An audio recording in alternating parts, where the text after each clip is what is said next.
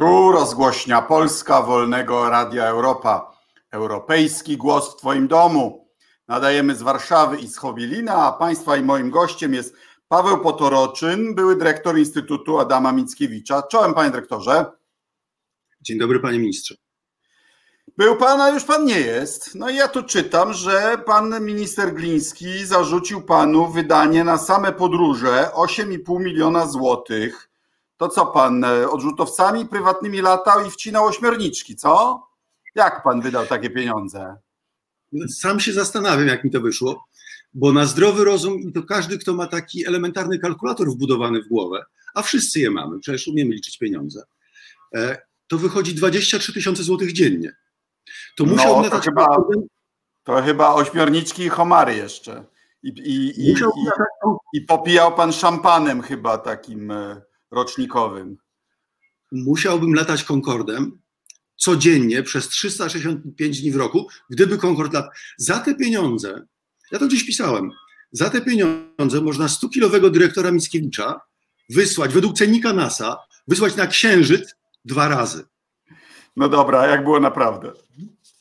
No, za, za te 8,5 milionów złotych rzeczywiście Instytut Adama Mickiewicza zainwestował w talent pochodzący z Polski 8,5 miliona złotych.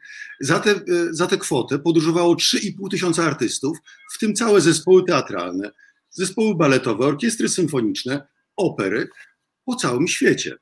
Ja myślę, że to jest e, jak na 23 gospodarkę na świecie i 45 markę narodową na świecie, to to jest w ogóle znikoma kwota. To jest, to jest tak naprawdę, umówmy się, że to jest e, jedna trzecia kilometra autostrady według chińskiego cennika. Nie, ale pomijając do, porównywanie do twardych inwestycji, porównajmy do tego, co oni robią dzisiaj. To znaczy 100 milionów na Polską Fundację Narodową, na jakieś jachty, które, które, które nie docierają do celu i na sponsorowane artykuły w zachodnich gazetach, które normalnemu zachodniemu czytelnikowi kojarzą się z artykułem nigeryjskiego ministra do spraw ropy naftowej. To wszystko oczywiście zależy, jak te pieniądze są inwestowane. Ja y, muszę oprotestować, dlatego że dzisiaj mam wrażenie, że nakłady na inwestycje w markę narodową są porównywalne z nakładami na infrastrukturę. Dzisiaj to, co było miękkie jeszcze 10-15 lat temu, jest tak samo twarde jak asfalt i beton, który wylewamy na autostrady. A infrastruktura za chwilę będzie prawie wszędzie prawie taka sama, prawie tak samo wydajna. Koszt siły roboczej prawie wszędzie będzie bardzo porównywalny. Nie będzie tak szalenie zróżnicowany. Natomiast konkurować się będzie ty, tymi aspektami, tymi czynnikami, które uchodziły za miękkie. Czyli tak naprawdę atrakcyjnością, szczerością, e, prawdą marki narodowej. Więc to, to są. Chwila, moment, chwila, moment. To zakłada pan, że globalizacja nadal jest kontynuowana, a mnie się zdaje, że będziemy mieli lekką deglobalizację. Ale nie kwestionuję te, tego, że marka narodowa jest czymś bardzo ważnym, no bo inaczej płacimy za ten sam produkt, jeśli jest na nim napisane Made in Germany, niż jeśli tam jest napisane Made in um, Bułgaria na przykład. E, więc to, to, to jest ważne i, i, i to jest mierz, mierzone, prawda? Jest, są takie indeksy mierzenia siły brandu narodowego e, i, i on osiągnął szczyt gdzieś w okolicach 2014 roku, prawda? Myślę, że mniej więcej w rok, w dwa lata po prezydencji polskiej w Unii mieliśmy, e, doszliśmy w obu tych indeksach do, do pozycji, ja nie wiem jak one wyglądają dzisiaj, bo te indeksy są redagowane czy badane e, w dwuletnich interwałach. Nie wiem, jak to wygląda dzisiaj, ale wtedy marka narodowa, marka polska była na, na 40 miejscu, a marka Polacy na 23. To ten Simon Anhold, taki bardzo uznany autorytet w badaniach marki, on prowadzi dwa indeksy. Indeks ludu, narodu, wspólnoty, jakkolwiek to nazwiemy, i indeks kraju. I w tych indeksach myślę, że najwyżej Najwyżej staliśmy rzeczywiście pewnie około 2014 e, roku. Mhm. No i um, proszę powiedzieć, czy, czy sens mają takie potyczki o, o, o, o historyczne sprawy? bo gdy będąc w MSZ badałem postrzeganie Polski za granicą, to odkryliśmy coś zaskakującego i smutnego zarazem, że problemem nie jest to, że Polska gdzieś tam się komuś źle kojarzy, tylko problemem jest to, że w większości ludności świata się Polska po prostu z niczym nie kojarzy. I to jest to miejsce, gdzie powinna wkroczyć, czy wkracza przez dwie dekady, e, wkraczała kultura. Że naj, najmocniejsze polskie marki do dzisiaj to są marki kulturalne. A tak naprawdę poszczególni twórcy, czy może powiedzmy pewne zjawiska, pewne fenomeny, pewne formacje, czy pewne trendy e, e, kulturowe, które się utrwaliły w świadomości E, uczestników, globalnych uczestników kultury, jako te, które pochodzą z Polski. Myślę, że kultura bardzo skutecznie wypełniła tę lukę. A dlaczego używam słowa skutecznie? Otóż atrakcyjność kulturalna kraju to są, to są badania z 2012 roku. Atrakcyjność kulturalna kraju jest piątym parametrem decyzji o lokalizacji bezpośrednich inwestycji zagranicznych.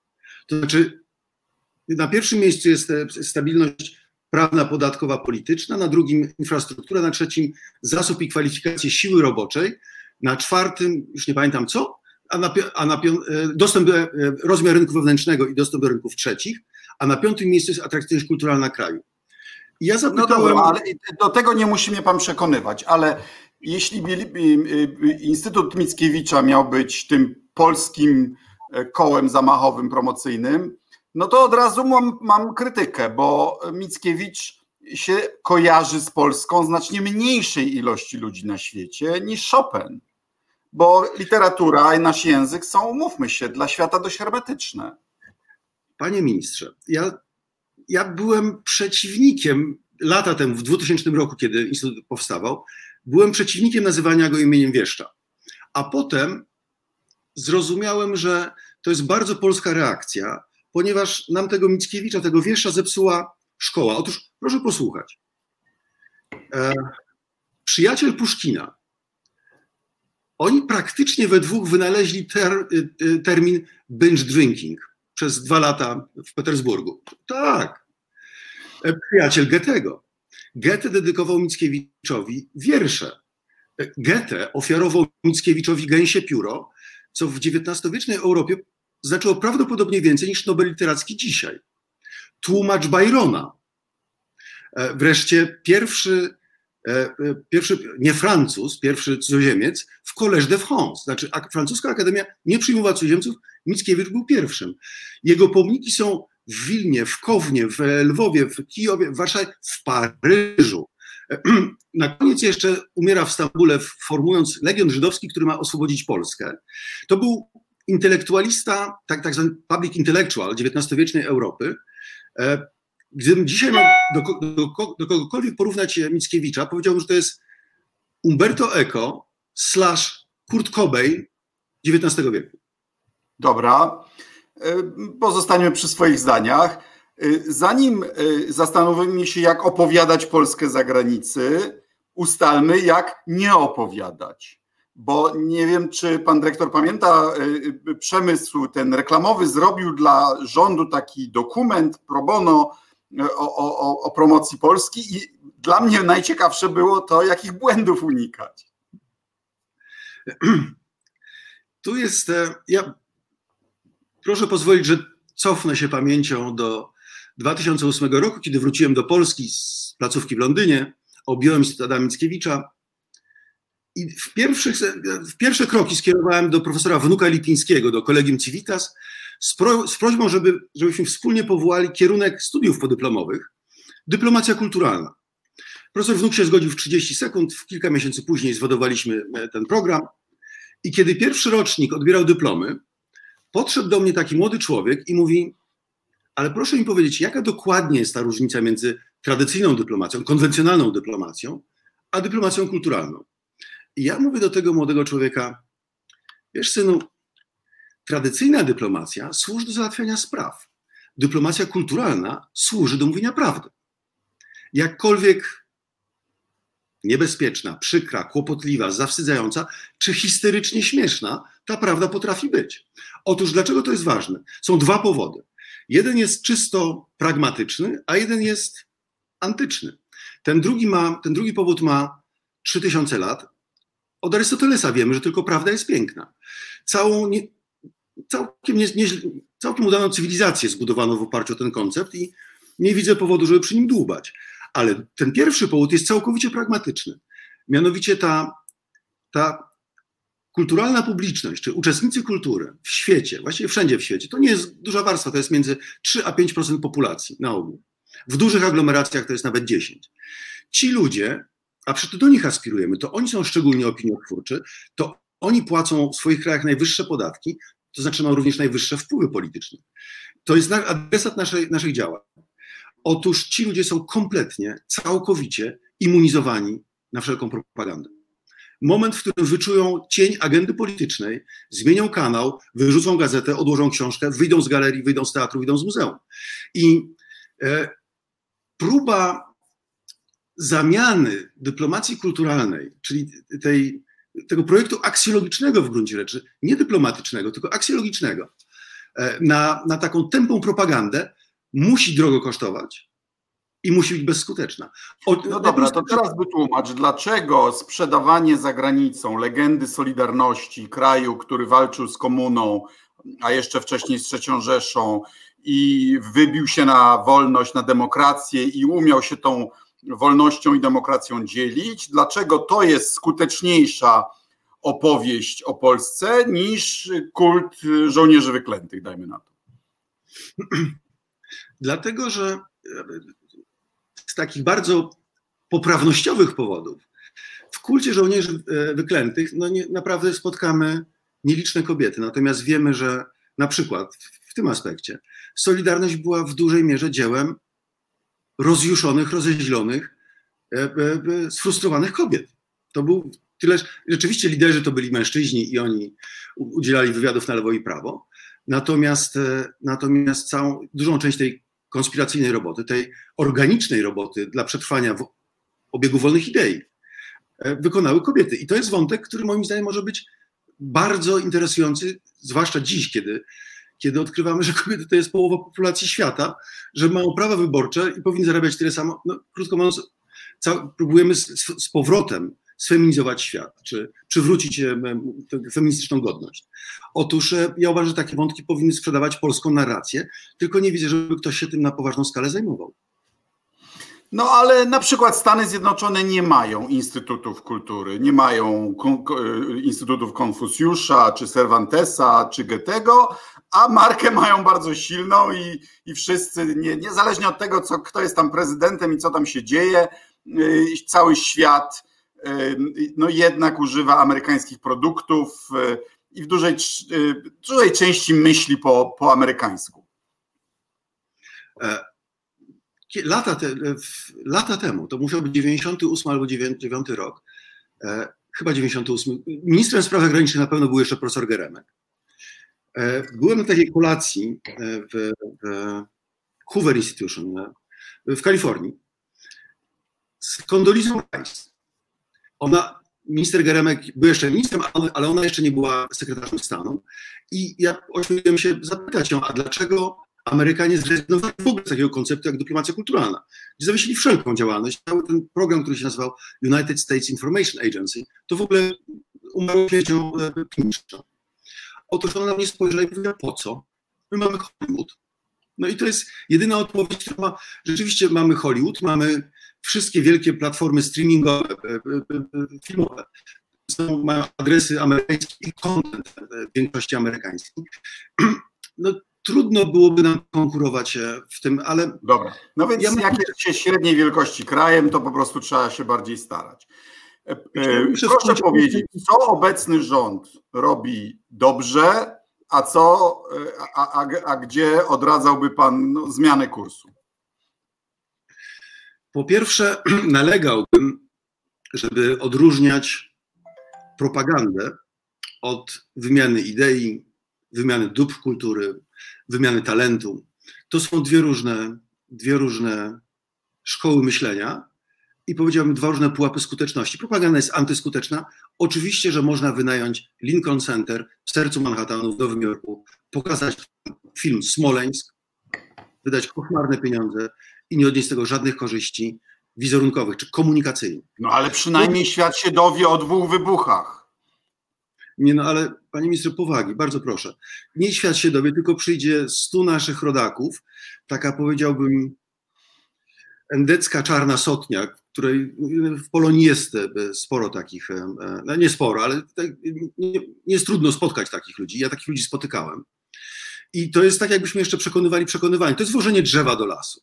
Więc e, proponowałbym po pierwsze nauczyć się odróżniać wymianę kulturalną czy, czy obieg idei od propagandy. Po drugie, proponowałbym, żeby skorzystać te indeksy skuteczności, czy, czy e, e, narzędzia ewaluacji, które zostawiłem w Instytucie Mickiewicza. My potrafimy, przepraszam, do 2016 roku, dopóki nie zostałem zczyszczony z, e, w ramach odrywania od koryta, nie wiem, wymiany elit. Odrywania dla patriotyzmu. Tak. Otóż Mickiewicz dokładnie wiedział, ile, koszto, ile wynosił koszt dotarcia do poszczególnych zainteresowanych w obrębie projektu. Taki prosty indeks. I oczywiście plus myśmy liczyli e, również to, co się ukazało w mediach światowych, liczyliśmy tak zwany AVR i pokazywaliśmy całkowity koszt dotarcia do poszczególnych e, uczestników kultury, czy nawet tylko w niektórych przypadkach tylko przychodniów, którzy zetknęli się z pracą artysty w przestrzeni miejskiej, czy w przestrzeni publicznej. Myśmy to dokładnie wiedzieli i wiedzieliśmy, co jest warte pieniędzy podatnika. E, I to jest ta trzecia rzecz, którą zalecałbym wszystkim rządzącym, to jest szacunek dla pieniędzy podatnika. No dobra, ale pewnie promowaliście, promowaliście jakąś sztukę zdegenerowaną, jakichś lewaków, a chodzi o to, żeby promować zdrową, patriotyczną kulturę. Panie ministrze, myśmy nie, propo, nie pro, po pierwsze myśmy nic nie promowali. Ja, za, ja zakazałem używania dwóch słów w Mickiewiczu mianowicie słowa promocja i słowa impreza. Promocja się kojarzy wyłącznie z, wyłącznie z pomidorkami w Tesco drugiej świeżości. A impreza to jest to, co moi młodzi współpracownicy robili w piątki wieczór. No to, tych dwóch słów, e, myśmy nic nie myśmy opowiadali Polskę światu. A w gruncie rzeczy e, cały dokument strategiczny Mickiewicza opisaliśmy za pomocą jednego słowa relacje. My byliśmy w biznesie inwesto- E, inicjowania, inwestowania, podtrzymywania i zarządzania relacjami talentu z Polski z widownią na świecie. I to jest, i tak należy o tym myśleć z jednej strony jako o inwestycji, a z drugiej strony jako o relacji, ponieważ jeżeli to będzie tylko transakcja, to koszty będą horrendalne, a skutki znikome. No dobra, ale za pańskich czasów Nobla z literatury nie było, a za czasów pańskiego adwersarza, wicepremiera Glińskiego, proszę bardzo. Nie chcę być e, jakoś szczególnie nieskromny, ale jedyny Oscar za cały kształt w historii polskiego kina, no to chciałem przypomnieć tylko, kto był wtedy konsulem do spraw kultury w Los Angeles. Dobrze. No ale to też takie nie dość patriotyczne filmy były. E, Smoleńsk, wie pan, dobry film wypromować, to nie sztuka. Smoleńsk wypromować, to by była sztuka. Znów postaram się odeprzeć pański zarzut na konkretnym przykładzie. Film Czarny Czwartek, tego samego reżysera, świetny film o, o masakrze w Gdańsku w, 70, w grudniu 70 roku. Naprawdę świetny film. E, myślę, że jedyna dystrybucja na świecie, jaką miał ten film, to był obieg festiwalowy, a ten film się znalazł w obiegu festiwalowym dzięki Instytutowi Adama Mickiewicza, dzięki naszej pracy. A jednocześnie nie trafiły do szerszej publiczności takie, moim zdaniem, perełki polskiego kina. Na przykład, nie wiem, czy pan zna film 80 milionów. Świetny film, tak. Prawda? O tym, jak Solidarność w ostatniej chwili uratowała fundusze związkowe przed wprowadzeniem stanu wojennego. Kapitalny film. Jeżeli nasi widzowie go nie oglądali, zachęcam obejrzyjcie, to jest naprawdę świetny film. A drugi film, który może nie jest arcydziełem, ale, ale uważam bardzo przyzwoity i, i, i wydawałoby się, że akurat obecnej władzy ideowo pasujący, o, o, o, o Polakach ratujących Żydów w, w warszawskim zoo, Azyl, też nie, nie widziałem, żeby był promowany przez dzisiejszą władzę. A, no, a to, to, to w dziesiątkę tego, co oni by chcieli chyba, prawda? Ja, ja muszę wyjaśnić, że Instytut Adama Mickiewicza no nie biegaliśmy po trawniczku Polskiego Instytutu Sztuki Filmowej. Myśmy się nie zajmowali filmem. Filmem zajmowaliśmy się tylko o tyle, jeżeli ilustrował jakąś większą ideę, której myśmy dedykowali albo sezon, albo w ogóle e, wieloletnie e, działania. I idea Solidarności, czyli idea, tak naprawdę idea polskiej niezgody, polskiej, no to, to co, jeśli dobrze pamiętam, Norman Davis pięknie opisał, że Polaka można zaprowadzić do wodopoju, ale nie można go zmusić, żeby pił. I to próbowaliśmy to za pomocą kilku tego typu wielkich toposów kultury, opowiedzieć Polskę. Więc film był tylko częścią operacji. Proszę pamiętać, że myśmy bardzo dużo inwestowali i w teatr, i w sztuki wizualne. Stosunkowo mniej w literaturę, ponieważ to robił e, Instytut Książki, wówczas kierowany przez Grzegorza Gaudena, z fantastycznymi osiągnięciami, a filmem zajmował się Polski Instytut Sztuki Filmowej, kierowany przez Agnieszkę Odorowicz, potem Magdę Srokę, też ze, ze świetnymi sukcesami. Mhm. Gdyby, przysz, gdy, gdyby miał pan taki budżet jak Polska Fundacja Narodowa, 100 milionów rocznie, o ile pamiętam, tak? Co by pan mhm. robił? E, obecność w sieci, oczywiście, to po, poza dyskusją, tylko inteligentna i wolna od propagandy obecność w sieci na pewno reanimowałbym projekt wizyt studyjnych. Ja to, jeśli pan pozwoli, ja to opowiem, jak, jak działał Mickiewicz, ponieważ Mickiewicz nie woził za granicę tego, co się podobało w Mickiewiczu. W tym sensie Mickiewicz nie był kuratorem, był odźwiernym. Myśmy najpierw przywozili do Polski, w program, finansowaliśmy to z własnego programu wizyt studyjnych, przywoziliśmy kuratorów, selekcjonerów festiwalowych, krytyków, dyrektorów teatrów, e, impresariów operowych, e, nawet dyrygentów często E, żeby ich zapoznać z polską muzyką współczesną. Otóż przywoziliśmy do Polski i mówiliśmy, zobaczcie, nam się wydaje, że to jest to, co Polska ma najciekawszego, najbardziej innowacyjnego, najbardziej kreatywnego do zaproponowania i wy powiedzcie nam, co się spodoba waszej publiczności. I to działało. Dlaczego to działało? Ano dlatego, że impresario, czy prezenter, czy promotor, czy kurator, który znajdzie projekt dla swojej galerii, sali koncertowej, czy muzeum, czy teatru, czy festiwalu w Polsce, to się staje jego projektem. Co to oznacza? To znaczy, że on przychodzi na ogół z własną salą koncertową czy z własnym teatrem. Moje koszty w dół. To znaczy, że on przychodzi z własną tak zwaną marketing force. To jest bardzo kosztowne wszędzie na świecie, to na pewno wszyscy wiedzą. Czyli moje koszty w dół. On najczęściej ma wbudowaną własną, lojalną, wierną publiczność. Co to znaczy? Moje koszty w dół. Zdarzały się projekty, których, w których udział finansowy Mickiewicza przy dosyć astronomicznych sumach, rzędu na przykład miliona funtów, wynosił poniżej 10% wartości projektu. I budowanie takich sojuszy jest możliwe za pomocą wizyt, głównie za pomocą wizyt studyjnych, ponieważ to daje i czas, i przestrzeń, i, i pewną, powiedziałbym, radość budowania relacji. E, zainwestowałbym w odbudowę naszych relacji z głównymi rozdającymi w, najważniejszych instytucjach kultury na świecie. Dobra, i tu chyba dochodzimy do sedna sprawy, bo ja mam wrażenie, że tak jak my i, i, i pan próbowaliśmy używać tej dyplomacji kulturalnej do wpływania opinii obcokrajowców na temat Polski. Dzisiaj celem tej polityki nie jest wpływanie na opinię obcokrajowców, tylko na pokazywanie za granicą, że coś się robi, po to, żeby własny domniemany patriotyzm można sprzedać własnej klienteli politycznej. Takie mam wrażenie jest, taki jest teraz cel tej działalności. Ja się całkowicie zgadzam.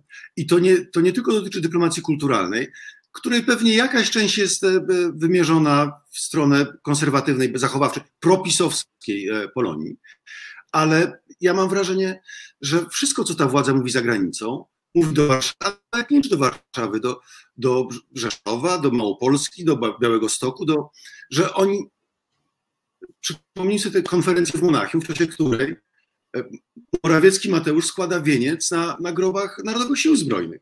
No przecież do, do kogo on, on, Mam nadzieję, że on nie mówił do uczestników tej konfer konferencji monachijskiej, że on mówił do Warszawy.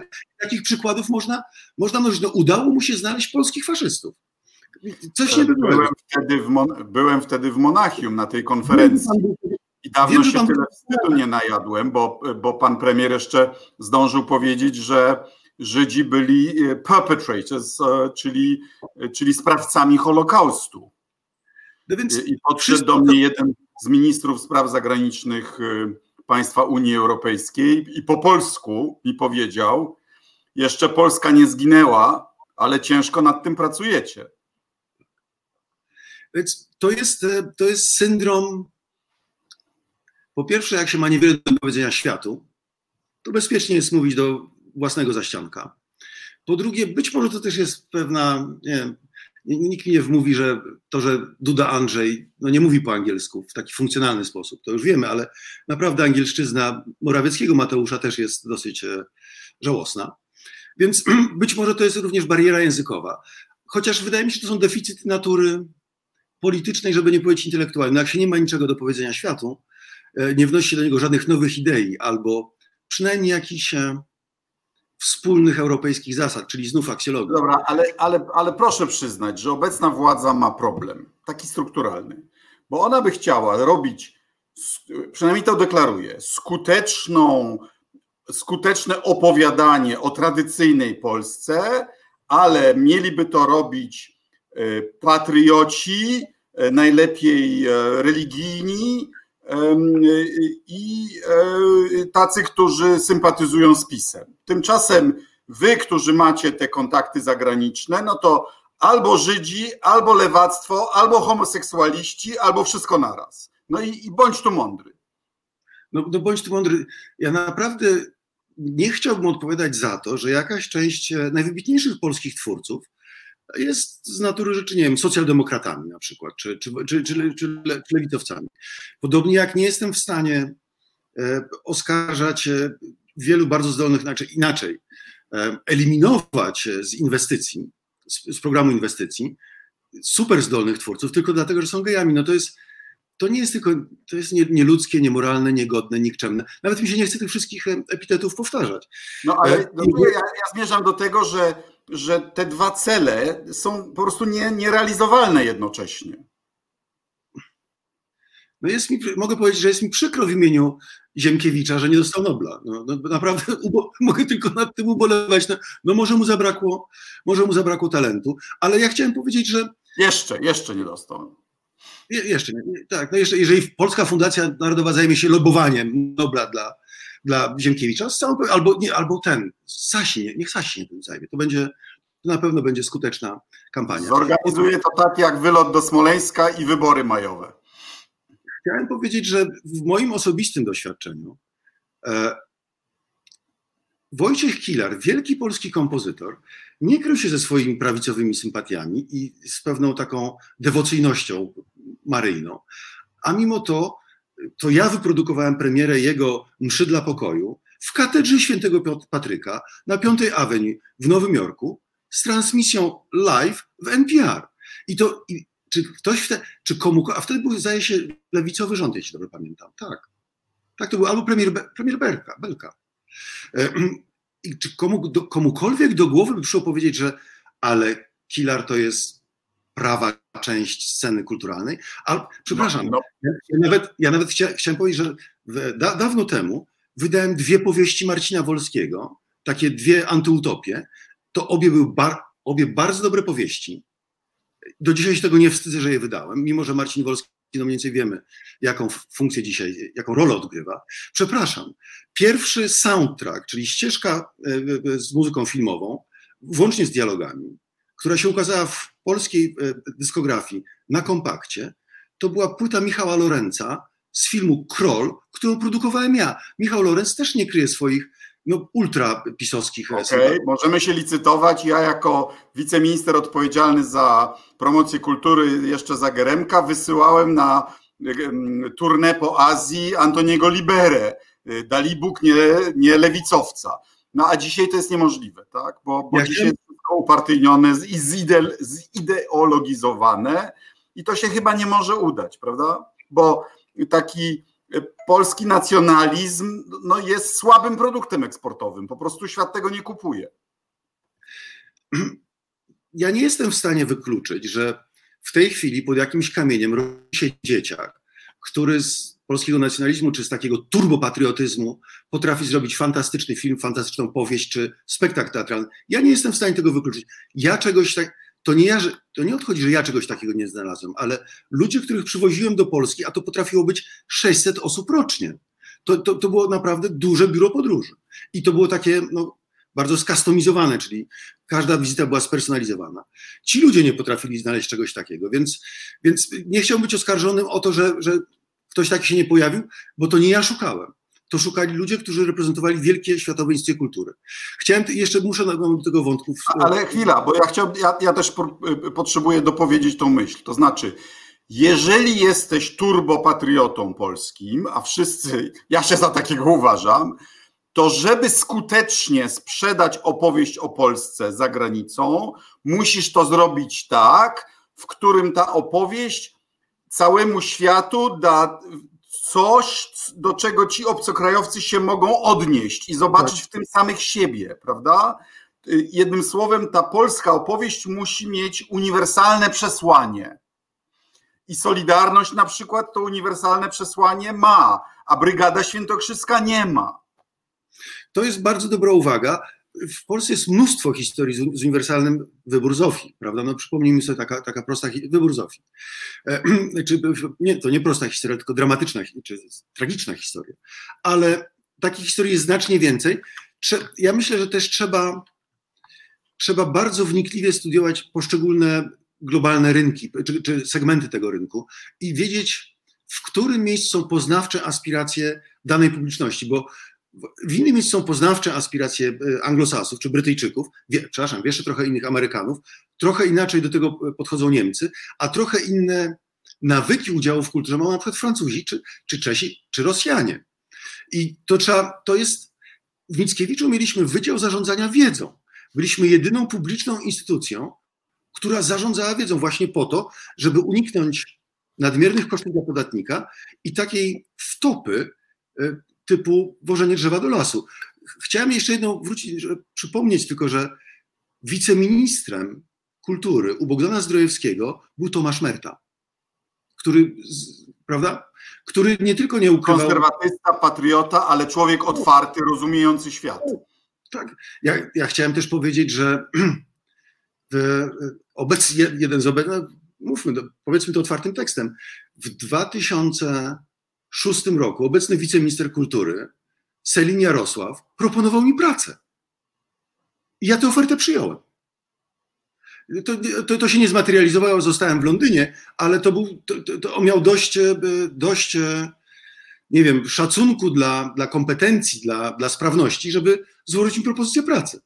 Więc coś się dramatycznego zmieniło, e, coś się zideologizowało, zarządzanie kulturą, czy wiara a może po prostu ta władza już nie wierzy w autoteliczność kultury, tylko tak jak wszystkiego próbuje używać jak maczugi, jak, jak narzędzia do wbijania, wbijania do głów e, tego wzoru nowego Polaka i nowego patrioty, do inżynierii kulturowej.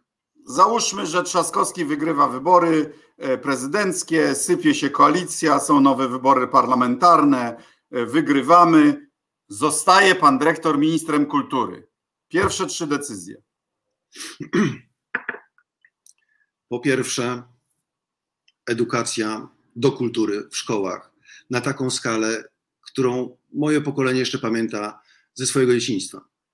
E, my, w tej chwili szkoła wypuszcza młodych ludzi, którzy no nie tylko nie rozumieją kodów kultury i nie czytają jej toposów, ale są nawet immunizowani, czy odczuwają rodzaj wstrętu na samą myśl o udziale w, w kulturze. Szkoła nie tylko nie uczy, szkoła oducza udziału w kulturze. Druga rzecz, e, racjonalne gospodarowanie e, pieniędzmi. Trzecia rzecz, nie audyt w Polskiej Fundacji Narodowej, prokurator w Polskiej Fundacji Narodowej. Zgadzam się co do szkoły. Ja z taką zazdrością odkryłem, że we Włoszech w szkołach podstawowych i średnich są po prostu lekcje z estetyki. Znaczy jest powód, dla którego Włochy wyglądają tak jak Włochy, a Polska e, tak jak Polska poza krajobrazem oczywiście, że tam się ludzi uczy zasad estetyki.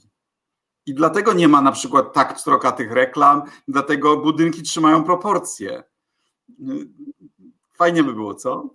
Panie ministrze, obaj śledziliśmy ubiegłoroczny Davos, gdzie z, z tych sześciu keynote speakerów wszyscy mówili o edukacji. Wszyscy mówili o edukacji. Przez wszystkie przypadki odmieniali słowo edukacja. E, jeżeli Davos jest trendseterem w globalnej skali, w takiej perspektywie 5 do 10 lat, to należy oczekiwać e, pewnej e, rewolucji w edukacji. A tę rewolucję zapowiedział, czy wymarzył ostatni z tych keynote speakerów, pan Jack Ma, czyli pan Alibaba. To jest, to, to jest dla tych z Państwa, którzy nie wiecie, nie wiedzą, to jest chiński odpowiednik Allegro, przepraszam, Amazona. Więc zakładamy, że to jest człowiek, który coś wie o przyszłości, bo wymyśli jakąś część tej przyszłości.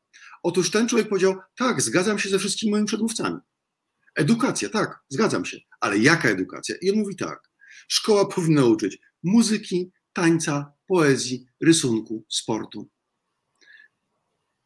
I ja się, przecież ten człowiek ma rację. W czasach, które nadciągają, czy będziemy potrzebowali więcej humanizacji, humanizmu i humanistów, czy mniej? Czy widzimy, co nadciąga? Nadciąga nie praca, sztuczna inteligencja, i, czyli tak naprawdę nadciąga epoka lęków.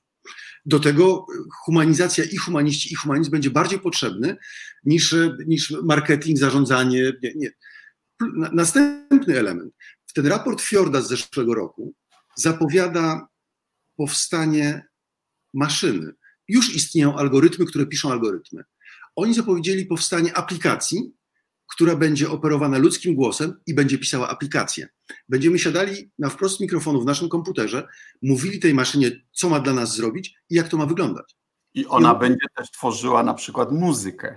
Jest tak. już muzyka tworzona przez komputery i chwila, moment.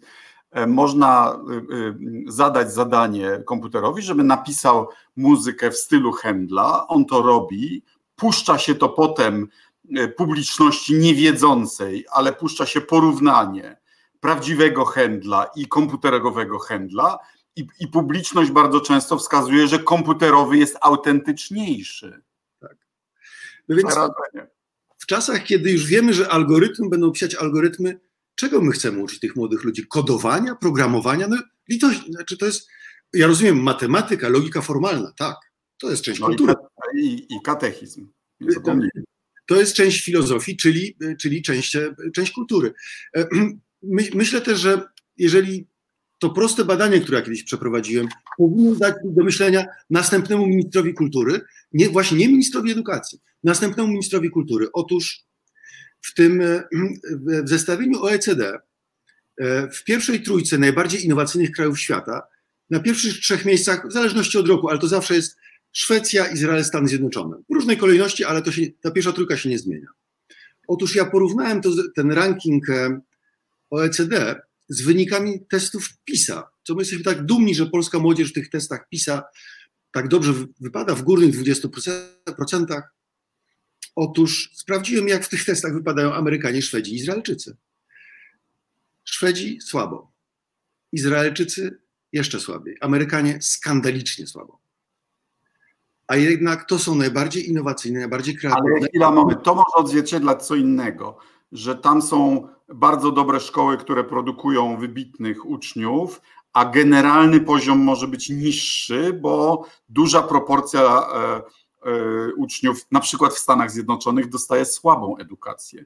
Myśmy odziedziczyli po komunizmie Y, dobrą edukację dla większości uczniów na, na średnim, podstawowym i średnim poziomie, którą właśnie PiS nam zniszczył swoją pseudo-reformą. Ale zostawmy edukację. Chciałbym zakończyć innym tematem. E, za komuny wiadomo była propaganda, był stan wojenny, było pranie mózgów i tak dalej, ale telewizja y, y, polska no miała teatr telewizji. Ja pamiętam się oglądało się w telewizji rzeczy ambitne. Czy da się uratować w Polsce, biorąc pod uwagę chociażby wydarzenia ostatnich 24 godzin? Prezes telewizji polskiej powiedział, że trzeba usunąć premiera Morawieckiego z kampanii prezydenta Dudy, bo szkodzi notowaniom Dudy. No, znaczy, widzimy, czym się zajmuje prezes rzekomo publicznej telewizji. Czy, czy, czy przywrócenie publiczności, mówię w sensie misji publicznej, telewizji polskiej jest jeszcze w ogóle wykonalny? E, zacytuję klasyka. Klauzula sumienia nie pozwala mi oglądać telewizji publicznej. Otóż... Ja, wydaje mi się, że tam zmiany kadrowe, ta, ta, to, to upartyjnienie poszło tak głęboko, że, że tego się już chyba nie da, od, nie da naprawić, nie? Panie ministrze, to nie jest telewizja publiczna, to jest narodowy patostreamer. A. Ale proszę sobie wyobrazić, ja obcując z kulturą, z mediami, z talentem, przecież telewizja to też jest również pewien rezerwuar talentu, na ogół. E, nauczyłem się w zasadzie tego, że najważniejsi, ja, ja wiem, że to brzmi jak wyświechtany slogan, ale ludzie są naprawdę najważniejsi i proszę sobie wyobrazić, i mówię to absolutnie serio, że na czele publicznej telewizji w Polsce staje Ann Applebaum. No hola hola. A do, do, pa, pan tutaj swoje jakieś e, e, e, interesy chyba promuje, bo skądinąd wiem, że zrobił pan książkę Wywiad z Ann Applebaum. Proszę nam coś o niej powiedzieć. Książka nazywa się Matka Polka. I nie powiem, kto wymyślił ten tytuł. No, ciekawy, dobry tytuł, dobry, taki y, y, ironiczno, taki, no nie wiem, jakby pan to określił. Kąśliwy. Zadziorny. Zębem. Ironiczny, przewrotny. E, no więc nie, nie, nie wskażę e, e, palcem autora, kto, kto wymyślił ten tytuł. To niech to zostanie sekretem wydawcy.